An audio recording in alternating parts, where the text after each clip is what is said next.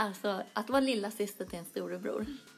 Det måste ju vara den bästa kombinationen. Han fick en fantasi Ja. om att det skulle kunna vara någonting, några ugglor i mossen så att säga. Men frågan är om jag tog den rollen för att det var den som fanns kvar. Jag vaknade upp häromdagen och insåg jag är tonårsförälder. När man var liten och tvingades läktaren att titta på ens orepade teatrar som pågick i timmar. Ja, men är de, är de nu så, så att de verkligen gör det så är det väl fantastiskt. Det är ingen Ja. som tvingar dem. Jo, jag tvingade dem. Fira när man kan fira medan man har livet i behåll. Eller hur? Vi har ett, kanske bara ett eget sätt att förhålla oss till regler. Stämmer. Du har alltid någon som kommer att släppa allt för att försvara eller hjälpa dig. Och jag sprang in, jag slet upp dörren, öppnade fönstret, hoppade ut, han efter. Alltså jag var ju en riktig liten djävul. Man gör exakt på samma sätt. Jaha minsann. Mm. Piffigt. Eller hur? You are my feeder. Det där är sådär. Nej, men sist vi, sist vi sågs då fick jag, då, då hade du med dig såna här härliga eh, afternoon tea skapelser. Mm, det är lite så jag jobbar. Det här var ju, det är helt magiskt. Det borde man hänga med oftare. Med mitt nöje. Mm. Mm, det är så man gör. Så man knyter folk till sig genom att ha, göra dem beroende av. Precis, via magen. Nu höll jag på att säga något jättedumt här så jag ska vara tyst. Ja, ibland känner man på det. Mm. Vad tänkte du säga? Det är lite så Socialdemokraterna jobbar. Aj, aj, tyst med mun för socker. Hur har din vecka varit? Eh, jag tycker att min vecka varit... ehm, hur har den varit? Jag tycker den har varit bra. Innehållsrik. Mm. Mycket att göra. Mm. Och det tycker jag är roligt. Mm, det är ju det. Men, och då tror jag att det är bra att tänka på det där med återhämtning. Mm. kan man ju också behöva. Mm. Den är svår. Väldigt liv här. Ja. Vi ehm, får prata högre. ja, men det är svårt för att jag är ju lite så att om jag återhämtar mig för mycket så blir det ju bara pannkaka. Mm. Man, jag tänker återhämtning behöver ju kanske inte vara att man inte gör någonting. Återhämtning måste väl bara vara att man samlar lite kraft. Mm. Eller Ja, precis. behöver ju inte vara att man Mm. är passiv. Nej, att man, att man kanaliserar, samlar på sig lite energi. Ja, eller Gör bara någonting. byter fokus. Byter fokus. Mm. Mm. Men det där är ju spännande. Att det beror ju lite på om man är introvert eller extrovert hur man Ja, gör. men ibland att göra någonting som inte förpliktigar. Mm. Precis. Du, jag tänkte på en grej Mm. från, från förra gången. Mm. Det här med när vi pratade om, när jag förklarade det här med panikångest. Mm. Eh, jag, känna att jag vill bara förtydliga lite att det är inte det är inte lätt någonstans. Så det lät som om jag bara... Att det var så lätt. Eller så. Men det är ju att jag har ju lite rutin på det. Eh, och jag har ju jobbat otroligt mycket med det. Så att jag hanterar det ju lättare nu än vad jag gjorde då. Men, men bara det, att- eller bara för att jag sa att det, det känns, eller det är okej. Eller liksom att det inte är så jobbigt för mig Mm. så betyder inte det, man ska inte förringa Mm. panikångest. Jag menar väl mest att inte... Eh, Diagnosen som sådan. nej men precis, det är Mm. ju inte en lätt grej. Liksom. Nej, det är jag urjobbigt för den som får det. Men jag tror jag förstår vad du menar. Att det, det har varit väldigt jobbigt för dig och det är jobbigt för dig när det kommer. Men du har hittat goda strategier som Ja, hjälper precis. dig Ja. att hantera det. Men man mår ju jättedåligt, även om jag mår bättre i det nu. Mm. Men jag bara tänker liksom, Att du kanske känner igen symptom och vet hur du ska ja, tackla det när jag vill det kommer. inte säga att någon annan som har det, att det är så himla lätt. Eller Nej. förlöjliga det på något vis. Nej. För det är det verkligen inte. Nej, men det förstår jag verkligen. Och det hänger ihop med... Det, Mm. det är ju ångest och det är ju depression. Det är inga trevliga känslor. Nej. Så. Men det finns vägar Och det ur kan det. ju också vara en del. Mm, Så då måste det också få finnas. precis. Man Men kan ju få kom- lite vad som helst på sin palett. Ja. Men då måste man ju lära sig att hantera det. Mm. Exakt. Istället för att skylla ifrån sig. Mm. Du, Mm.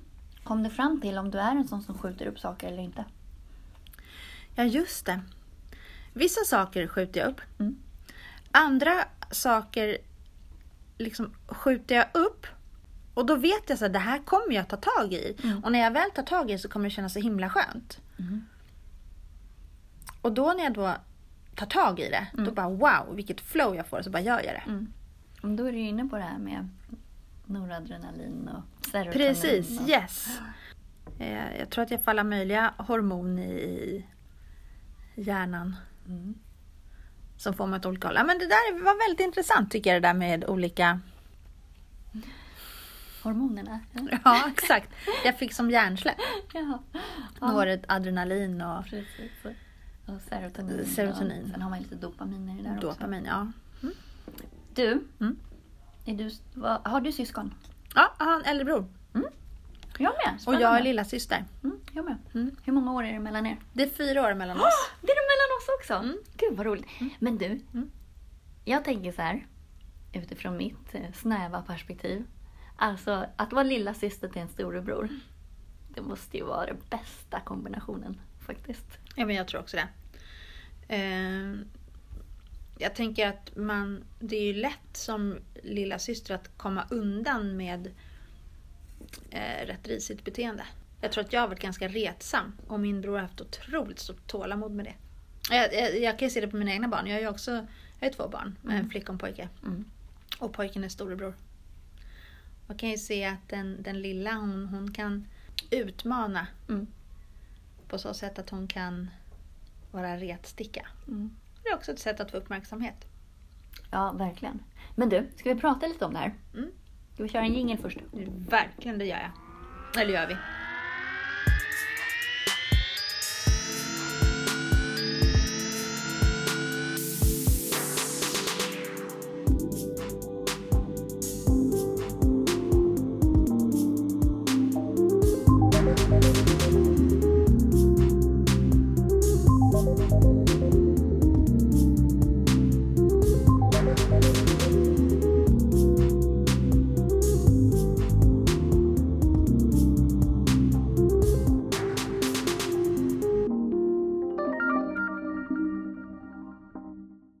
Men det här med syskon. Jo, men jag, alltså jag kommer på... Som lilla syster i alla fall, det, det finns ju olika sorters relationer, men jag har nog blivit ganska överbeskyddad. Mm, Jag med, verkligen. Och jag har alltid haft min bodyguard. Mm. Och det har varit fantastiskt. Ja, men det är faktiskt någon som alltid liksom har varit där och vakat över den och velat den väl och sopat manegen lite grann. Ja, och ibland har ju det för i mitt fall blivit lite sådär att jag, det har varit bra, men ibland kan det ha blivit lite destruktivt nästan. Jag minns så väl, vi var ute och jag fyllde 18. Och det var min kusin och min bror och så några vänner. Och så var vi på ett ställe. Och så säger min bror så här, eller jag säger jag ska bara gå på, gå på toaletten, jag kommer snart. Mm.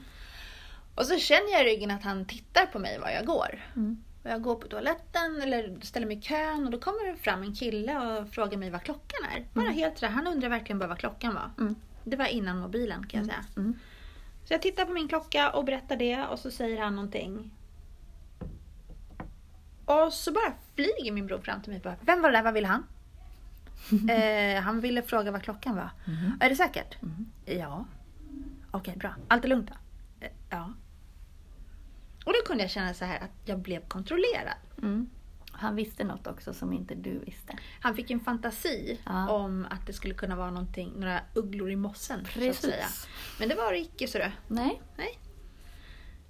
Nej men det där är ju också, eh, det finns ju teorier kring det här med vilken eh, roll du har i syskonskaran. Att det påverkar dels ditt beteende, hur det blir. Om man grov generaliserar så att småsyskon ska bli mer kreativa. Ja, man och- generaliserar grovt. Ja, Ja. precis. Och eh, eh, stora syskon ska bli mer ansvarstagande och mer prestations, liksom, högstatusjobb och sådär. Mm. Eh, men Det är intressant. Ja, men det är mycket. Ja, jo men precis. Så här, vad som då anses vara högstatusjobb. Mm. Eh, så här, gå bra utbildningar och så. Mm. Det är väl också lite det här att man tar ju den platsen som finns kvar. Ja. Alltså det är jättesvårt att ta någon annans, alltså satsa mot samma, försöka liksom gå i någon annans skor. Då är det lättare kanske att om det är någon redan som presterar och lever upp till föräldrarnas eh, önskemål, man ska säga, kanske det är lättare att ta någon annan roll liksom, Mm. och vara lite mer Ja, så. Alltså det kan jag se till mig själv. Jag är ju den kreativa i vår familj. Mm. Eh, och det, jag kan ju inte säga att, att eh, min familj har förstått mig alla gånger för de är ju väldigt prestations och Mm. högpresterande och duktiga. Så.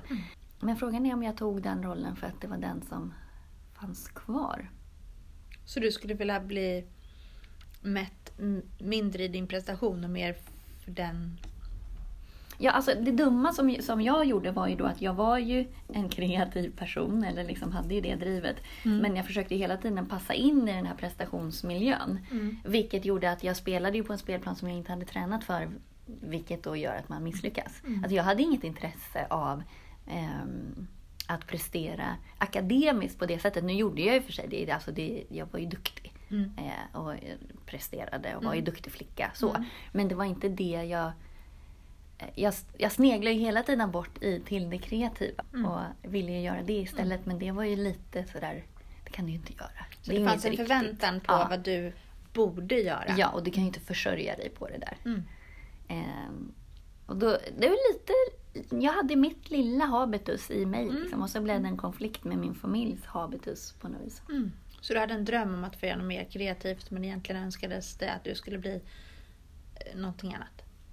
Ja, det var inte uttalat vad det önskades utan bara någonting ordentligt. Var som helst, bara det gjorde. Vad, vad som helst, bara du går på Men- KTH eller Handels. Okej, så, så det var det ordentliga? Ja. ja. Precis. Mm. Men jag eh, hittade en, en eh, spännande artikel som, som säger att, och den är ju relevant för dig också då, då. Mm. 15 saker som avslöjar att du är ett småsyskon. Mm. Ska vi se om det stämmer? Ja. Eh, du tycker att det är så befriande eller roligt att få ta hand om ditt äldre syskon för ovanlighetens skull. Och då tror jag man syftar på det här lite att storasyskonet är lite överbeskyddande. Så då om den kanske behöver råd om någonting eller kanske är lite sjuk eller så här, så, så ska då lilla systern eller lillesyskonet gå in och eh, Stötta upp när det skiter sig. ja, och men njuta där- lite av det. Ja, men där kan jag känna igen att när det skiter sig då, då kryper man... Då, då, då, då kommer storasyskonet och, och vill bli lite grann omhändertagen. Och det där... Ja, man kan ju tänka att det... Det är nog ingenting jag direkt njuter av eller tycker det är... Jag har inte reflekterat riktigt över det. Nej, Mm. jag tyckte inte den, den Nej, fatt nej, sådär. nej, inte så. Inte som en Ehm. spik i tån. Hårt liksom. Du kände aldrig några krav när du skulle välja utbildning och eller yrke? Nej, stämmer bra. Ja, jag kände ju lite det. Eller jag kände mer att det jag ville var fel. Okej. Sen så kände jag inte så här, jag visste ju att det fanns en viss förväntan att gå på en viss typ av högskola, men det struntade jag i också. Mm. Alltså det, så, det var mer att det jag ville var fel. Mm. Ehm, Ja, för mig var det nog mer som att det var ingenting vi ens diskuterade utan jag tror att jag bara Mm. förväntades gå den väg som jag själv ville gå. mm. Mm. För mig fanns det nog ingen krav på prestation. Nej. Skönt. Ja, eller jag upplevde inte det. Den här är lite rolig. Mm. Du är inte mycket för romantiska förhållanden. Och då är förklaringen så här, nej, någon annans första prioritet har du aldrig varit. Så det är ingenting du ens funderar kring. Du har ett, ett eget liv och bryr dig inte så mycket om vad andra människor gör eller om de finns där för dig. Att man liksom då är så himla van vid att bli lämnad till sitt eget öde. Mm. Så att man har inte, tänker inte så mycket på vad andra gör eller inte gör. Mm. Alltså delvis kan jag Mm. säga att det stämmer att jag liksom, jag kör ju mitt race.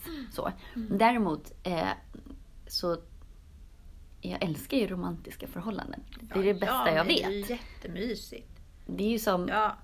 Liksom, ja, men som med min kille, är ju jätteromantisk och det är ju superhärligt. Jag gillar ju det här lite grann med könsroller, mer Ja. som ett skådespel. Mm. Liksom, fast jag tycker det är lite härligt. Mm. Ja, nej men, ja, men alltså när romantiskt. Men det är väl jättehärligt när man lägger lite tid på att göra det, Ja, lite det är extra. Det är jättemysigt. Jätteviktigt. Jag Men tänker jag- så här, fira när man kan fira medan man har livet i behåll. Eller hur? Däremot så, så, så är det check, tycker jag, på att jag går inte... Min värld raseras inte om det skulle vara så att han ska göra något annat en kväll. Alltså jag kan sysselsätta mig nej, själv. nej, herregud. Nej, det Man- skulle jag, skulle jag bli trängd i att, att man måste vara på varandra hela Ja, nej, tiden. det går inte. Nej, det går Nej. inte. Det här! Du räknar med att folk ska tro att du är yngre än du är. Ja, men är inte det? Ja men eller hur? Och det värsta är att nu, sen några år tillbaka, Mm. så har, man, har jag börjat faktiskt bli så här, va? Är jag inte yngst? Alltså Nej. är den personen yngre än mig? Ja. Eller vem jag är? Det är precis det du säger har kommit till mig också. För när jag började jobba så, så var jag yngst på min arbetsplats. Mm. Och det har jag ju trott att jag varit hela tiden. Jag pratade med en kollega häromdagen. Mm. Bara tio år yngre. Man bara, va? Ja, och jag insåg att... Eh, ja, men det, alltså va? Ja, du är yngre än vad jag var. Konstigt. Eller hur? Och jag insåg att hon var i en fas, eller är i en fas i livet där jag var för ungefär tio år sedan. Mm. Och då känner man sig nästan lite så här... Oh, det är lite obehagligt. Ja. Jag vaknade upp häromdagen och insåg jag är tonårsförälder. Ja. Så kan det gå. Ja, herregud. Och det är ju superhärligt. Mm. Men jag har inte fattat att det har gått fort. Usch vad klyschigt det låter. Men eller hur? Ja. Du gillar att vara i centrum? Ja. Alltså jag gillar att vara i centrum. Alltså, nej, jag gillar att få uppmärksamhet för bra saker jag gör. Och hur är det om du, om du gör dåliga saker? Jag är inte någon så här... Du inte uppmärksamhet för dåliga saker att göra? Nej, det vill jag inte ha. Och jag, jag är inte någon spexmänniska. Nej. Är jag spexmänniska Jessica? Det skulle man nog kunna lura med på någon spex tror jag. Ja, alla dagar i veckan. Mm, jag är inte riktigt där. Jag vill bara, det jag gör vill jag bara göra jävligt bra. Liksom. Ja. Jag, kan, jag, kan, jag har inga problem att göra saker eller Mm. liksom framträda eller så.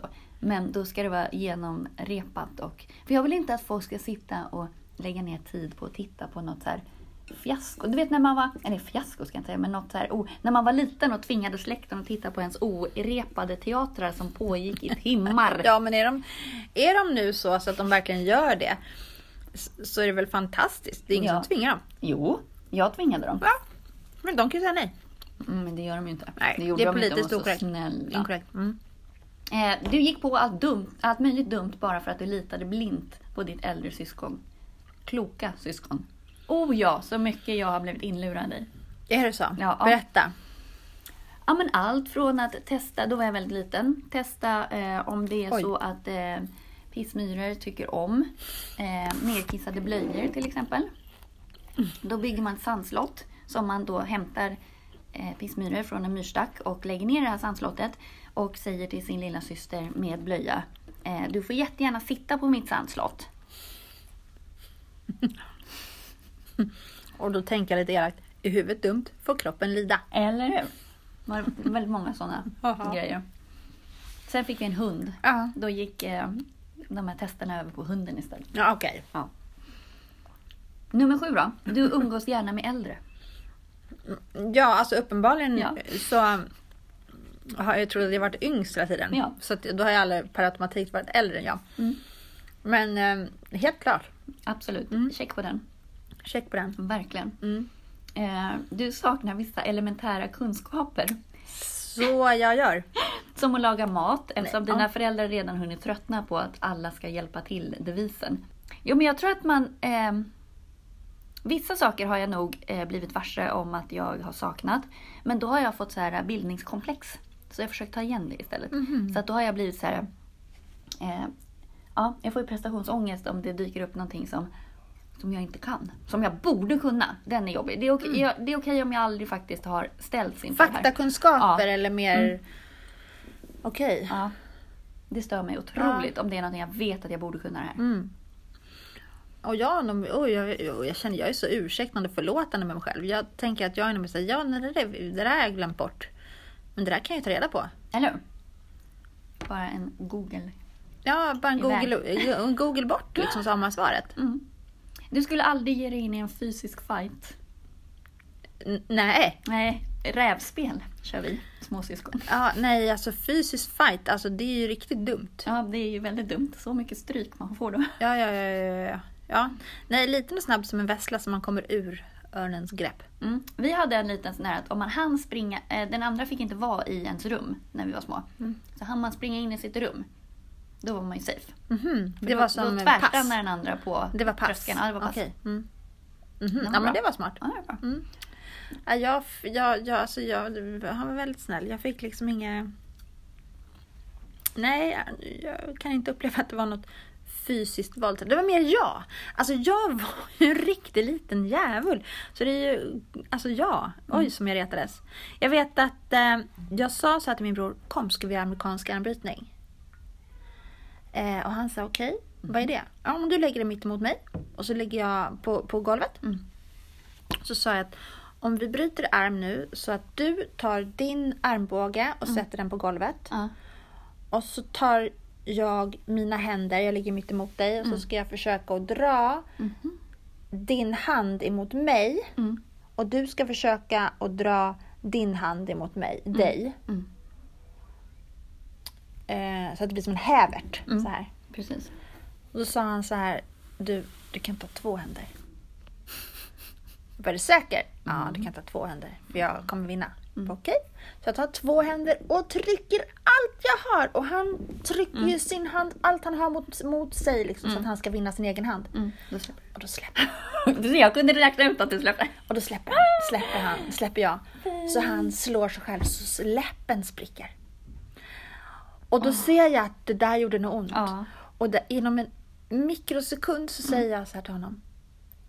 Det var inte jag som slog. Och så springer jag. Och du vet han jagade mig och jag tänkte så här, får han tag på mig nu? Ja, vet jag inte vad som händer. Ja.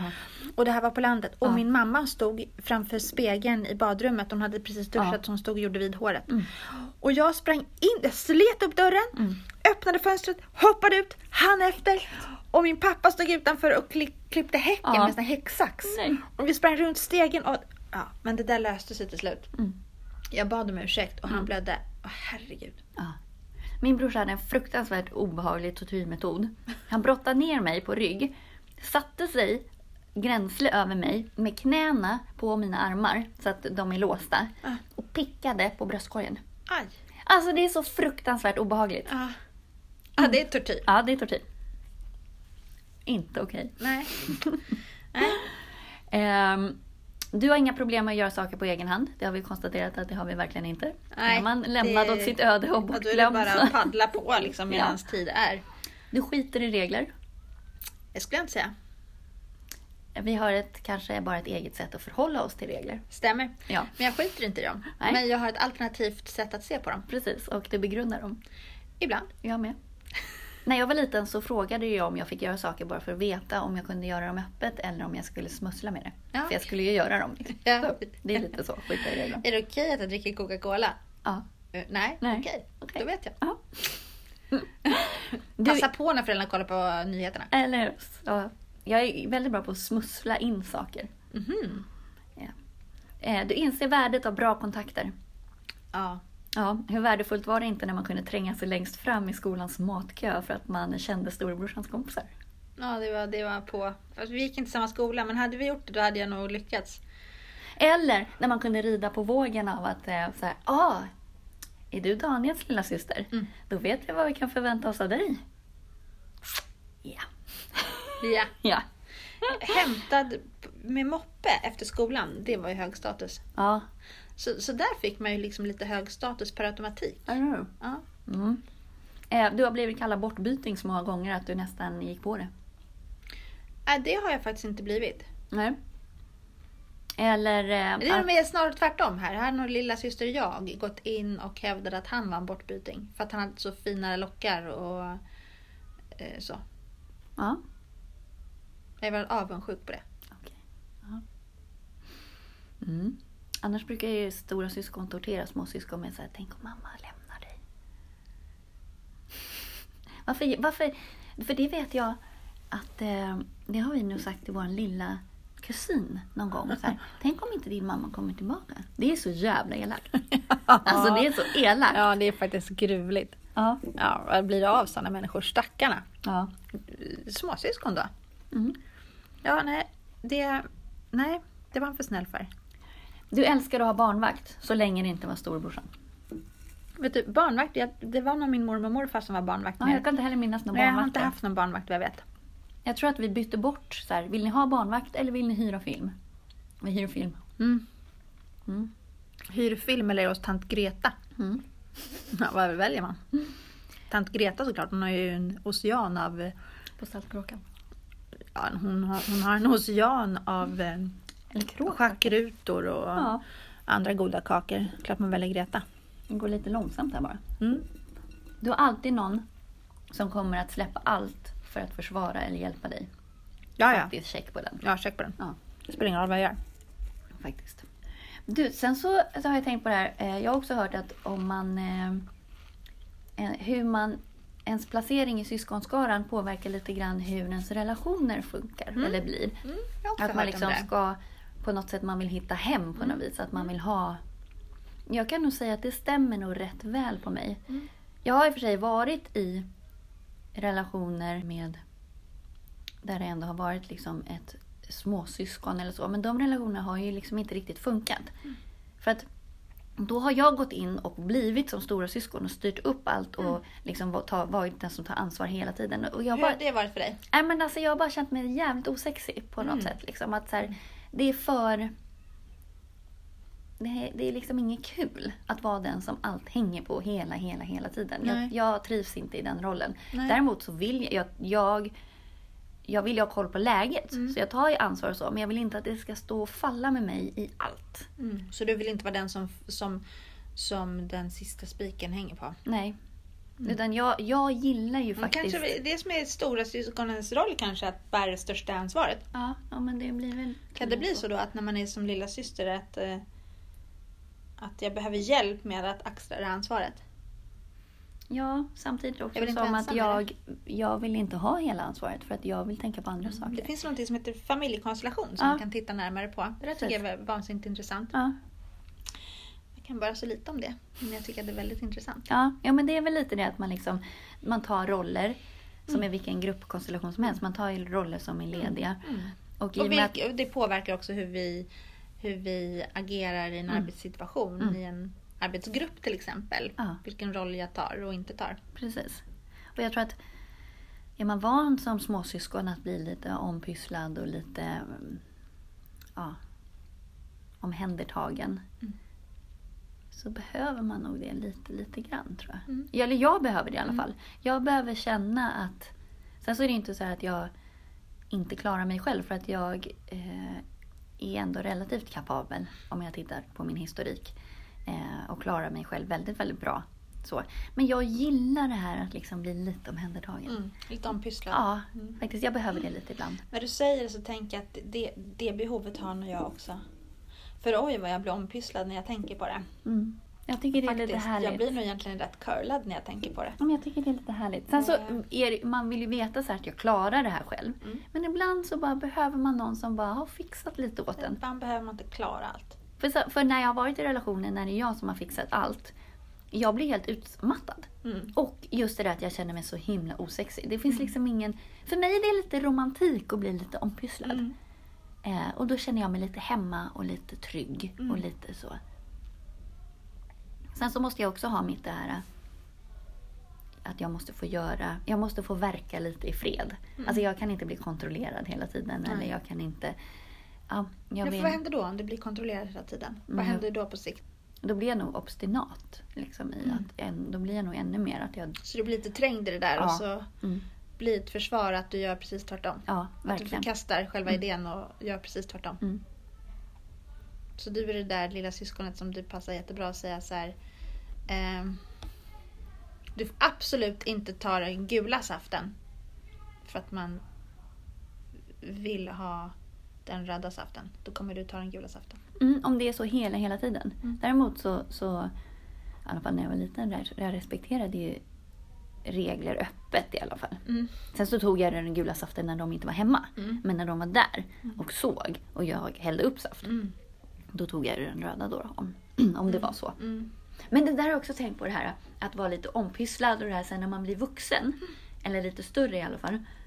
Jag hade en sån här känsla att jag jag hade en period, eller liksom jag kom till en punkt i mitt liv, när, jag, när det kom som en liksom en uppenbarelse för mig och jag kände lite sådär bortskämt liksom så här, Hallå, var är mitt entourage?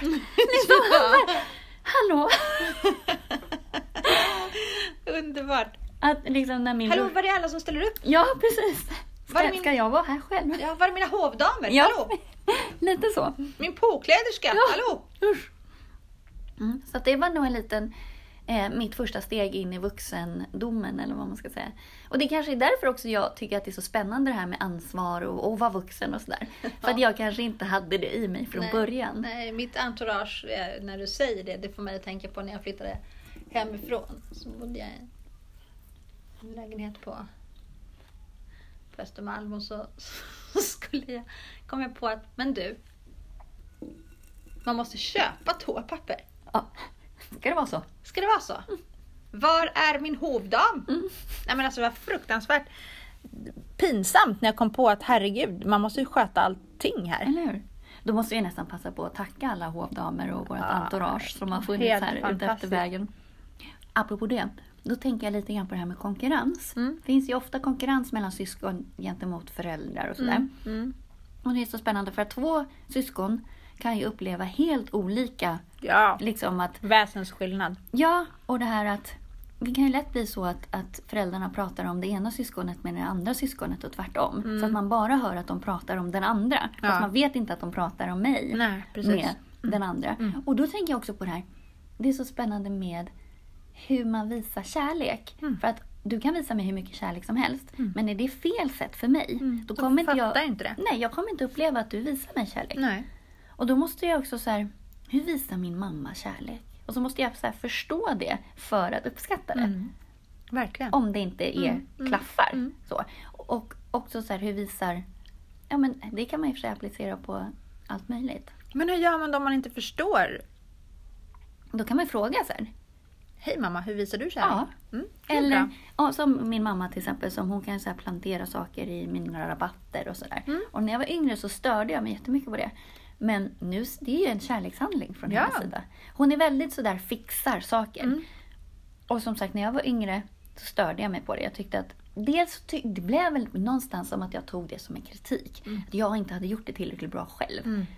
Men sen kommer man ju till en punkt när man bara, det vet jag när jag hade fått mitt första barn, liksom, att, det, att hon kom hem och så, så här, började hon torka diskbänken och sådär.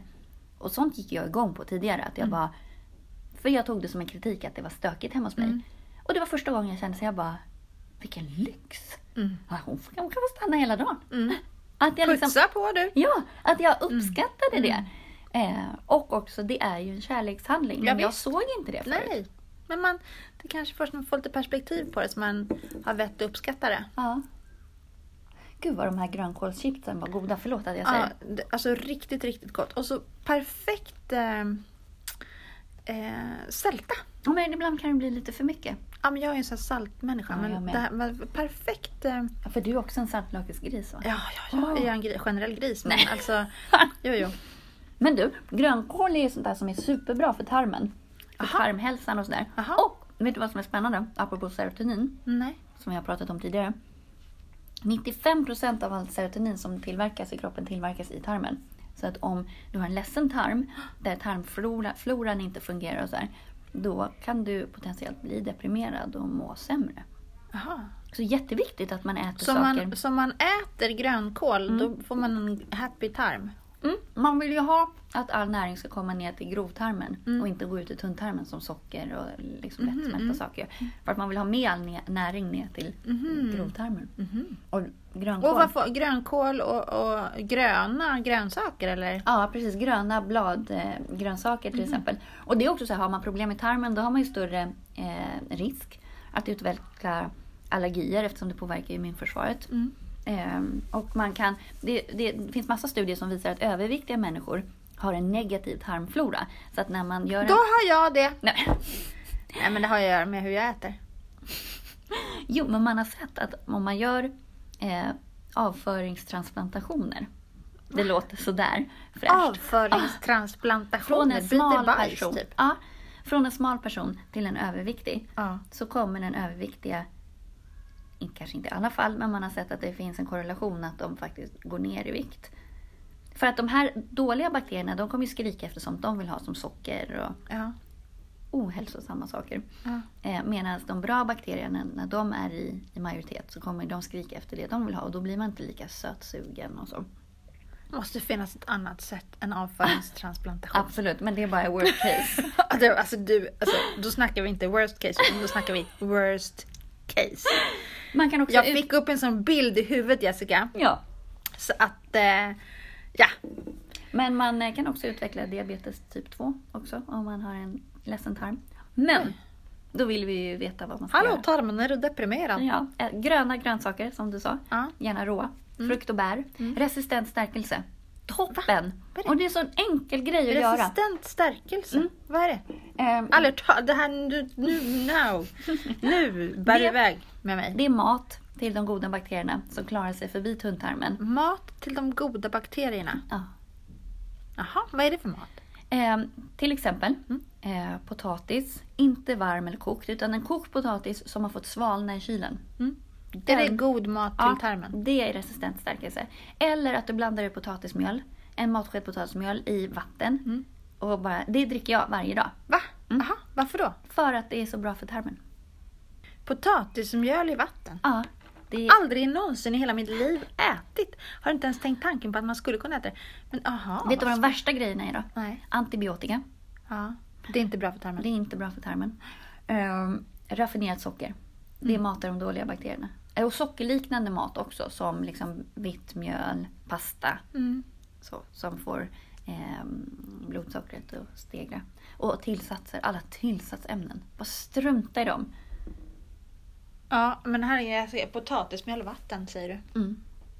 Ja, herregud. Det här får jag testa för att se om jag blir lite mer happy. Precis. Jag känner mig ganska happy men jag tänker att tarmen har jag aldrig frågat om du är happy tarmen. Nej. Men eh, ja, Men det här med serotoninet, det tycker jag är spännande, mest spännande. verkligen. Ja, det faktiskt kan påverka ens humör och hur man mår rent psykiskt. Det är jätteviktigt. Faktiskt. Har du som spännande. lilla syskon, Mm. har du känt dig otillräcklig i relation till din storebror? Har du mätt dig mot honom, liksom att prestera, ja, din prestation? Nej, tycker inte jag. Men om du frågar honom kanske han upplever det. Men jag, nej, det tycker jag inte. Jag tycker att jag... Jag har nu kört ganska mycket mitt race. Jag har utbildat mig till mitt och kört... Eh, jag har gått min väg och han har gått sin väg. Mm. Vi har nog aldrig jämfört prestationer.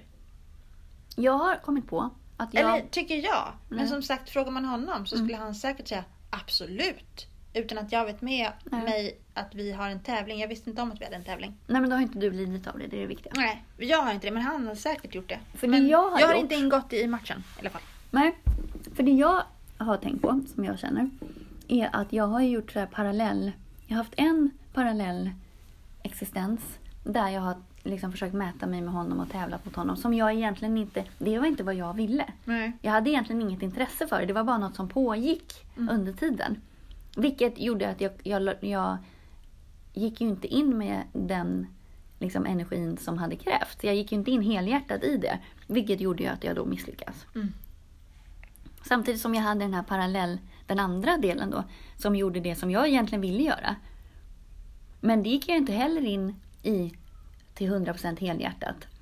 Eftersom det var så fel. Mm. Så det tog jättelång tid för mig att välja bana. Mhm. Vad spännande. Därav min förvirring i Där- mina unga år. Ja, men alltså förvirrad, det är vi ju alla till mans lite nu och då. Tillhör livet. Och det där kanske var en utlösande faktor. Att vara lilla syster till en storebror. Mm. Och någon sorts kamp. En annan grej som jag tänkt på är det här att som lilla syster eller lilla syskon överhuvudtaget så känner jag i min erfarenhet att det är folk som kommer till en. Att man är så van att bli approcherad. Vet du om att man kan dö av grönkål i halsen? ja, men jag vill bara uppmärksamma dig på det. Ja. Det finns två kända fall. Ja. Mm. Jag höll på att bli det tredje. Nej men just det där att så här, man är van, eller jag är van vid att det är folk som närmar sig mig. Mm. Och det har jag märkt i vuxen ålder att jag tycker att det är oerhört obehagligt att gå in på en fest till exempel. Mm. Jag gör det för att jag tränar på det Mm. och ser det som en liten sport så här, ifall jag klarar det. Mm. Eh, men för mig är det en så ovan grej att jag ska behöva närma mig någon. Ja, för jag är så van vid att folk kommer till mig. Ja, För det gör de alltid när man är så yngst och gulligast. mm, just det. Och sen när man blir... När man inte är så gullig längre. och inte så ung heller för den delen. eh, Det blir, att det blir som tvärtom. Den fula lankungen Ja. blir en svan. Ja, eller Så blir svanen lilla blev- svanen blev en ankunge. Nej men det där när du säger det, ja nej men så, så kan det ju absolut vara att man Och man har alltid blivit såhär, kom med här, kom med här, kom med här. Ja. Inkluderad liksom. Att man fick hänga- hänga med på en räkmacka Ja. liksom, bara för att man var Gullig. minst tyckte folk synd om en. Som ett litet handikapp att man var yngst på något sätt. Mm. Ja, där kunde jag nog, om man, det där är lite intressant, om, om jag gjorde någonting när jag var liten Mm. eh, som jag tror att mina föräldrar kunde se, att, eller framförallt min pappa kunde se att men det där var ju inte bra gjort mot din storbror. Nej. Då kunde jag nog då kunde han nog kanske gå in och försvara mig och säga så här, ja men Katarina hon är så liten, hon förstår inte riktigt hur man ska göra. Jag fick någon sorts eh, okej. Mm. Och så skrattade han åt det. Precis som, för vi hade det som ett skämt. Mm. Liksom, att, att det var inte att han rättfärdigade mitt beteende Nej. på något sätt. Utan han på, försökte på ett humoristiskt Mm. sätt liksom, att ursäkta mitt dåliga beteende. Vet du, gentemot min storebror. det där sa min yngsta för bara några veckor sedan. Mm. Nej men, jag är så liten så jag kan inte. ja, det är väl ett upp, eh, underbart försvar. Eller inte, jag vet inte. Sen kan han också prata om sig själv i tredje person. Ja. Om de ska städa till exempel Mm. så har jag förklarat för min äldsta då så här, du måste säga till Ludvig mer så här, ta den klossen och lägg den där. Mm. Bara säga städa till honom är för stort. Ja. Han kan inte, han förstår inte. Nej. Liksom, så. Och sen så var Hugo på övervåningen och sen så var eh, Ludde tror jag med mig. Och så ropade jag till Hugo och sa att du måste ge Ludvig mer specifika instruktioner. För att han kommer inte förstå bara städa. Det är för stort för honom. Då går Ludvig upp och bara Hugo, du måste ge Ludvig specifika instruktioner. För han förstår inte att bara städa. Så du rättfärdigade det där. Ja men det är fantastiskt. Ja. Vilka Ja. små telingar va? Mm. Det här med att vara lilla syster och store, stora syster och lillebror och storebror. Mm. Det där har man ju med sig. Den plats man får i syskonskaran, den Mm. eh, föds man ju in i. Det är ingenting man väljer. Nej. Men det kan få livslånga konsekvenser. Ja, men man tränar ju på det. Det är ju en skola. Alltså, du, går i, du har ju en roll liksom, som du blir bra på. Det är svårt att bryta den rollen. Men jag tycker det är spännande också att du till och med kan verkligen starkt ogilla. Som när jag hamnar i en typisk stora syskonroll. Mm. Jag ogillar det väldigt, väldigt mycket. Alltså just att jag känner mig... Det, Då, det är ditt naturliga fiskvatten. nej men då blir jag, jag blir tråkig, jag blir stel, jag har fokus... Jag tappar allt det roliga, allt det lekfulla, allt det romantiska. Allt. Jag blir bara som en så praktisk robot som styr upp. Mm. Nu säger inte jag att alla stora syskon är så, men det är så jag blir när jag får på mig stora... Så du hoppar in i någon sorts, att då blir det ditt anpassade beteende där du beter dig så? Ja, och jag känner inte efter. Nej. För jag, Nej. mina känslor är helt irrelevant. Det ska Ja. liksom bara, allt ska bara göras och så. Och det kan jag också känna igen lite från när jag var yngre då. Jag kände så himla mycket. Mm. Och alla var i min familj så här, ska du hålla på och känna nu igen? Mm. Är det verkligen nödvändigt? Mm. Och som i Jag känner alltså finns jag. Ja, det är skarpt va? Mm. Eller tänker alltså finns jag. Jag tänker alltså Ja. finns jag. Och jag känner alltså finns jag. Jag tänker att när vi känner då är det för att vi har behov. Ja. Tror jag. Mm. Men då, jag tänker också att stora syskon, de kanske prioriterar bort sina egna behov för de ska ta hand om alla andra och se till att alla andra har det bra och sådär. Ja, Det absolut. gör ju inte vi småsyskon. Vem ska rädda knyttet och vem ska rädda Ja. storasyster? Precis. Det är spännande. Ja, det är mycket spännande. Det här känner jag att jag vill förkovra mig ytterligare i. Mm. Men du måste faktiskt rusa nu. Ja. Eh, rusa och rusa, jag ska gå i sakta mak. Du, vad vansinnigt trevligt det var att sitta och knappra eh, grönkål med dig. Allt för att få en happy tarm. Ja, och jag överlevde. Och du överlevde. Du höll, Attacken. på, du höll på att dö. Eh, och det hade blivit jobbigt. Fruktansvärt. Men du, eh, det var ett bra snack. Intressant det där med hur det påverkar att vara syskon. kan man ju ha ödmjukhet inför när man möter sina medmänniskor. Verkligen. Att vi är lite olika. Mm. Att mitt sätt behöver inte vara det enda sättet. Det är väldigt sällan det. Alltså Men- inte just ditt sätt, även mitt sätt. Nej, men, nej, men precis. Det finns väldigt sällan ett enda sätt. Nej. Det vore ganska enväga. Mm. Men du Jessica, tack för idag. Tack snälla för eh, eh, grönkåls och morotschipsen. Supergott. Det där ska jag hem raskt och göra. Mm, tack och hej. Ha det så bra så ses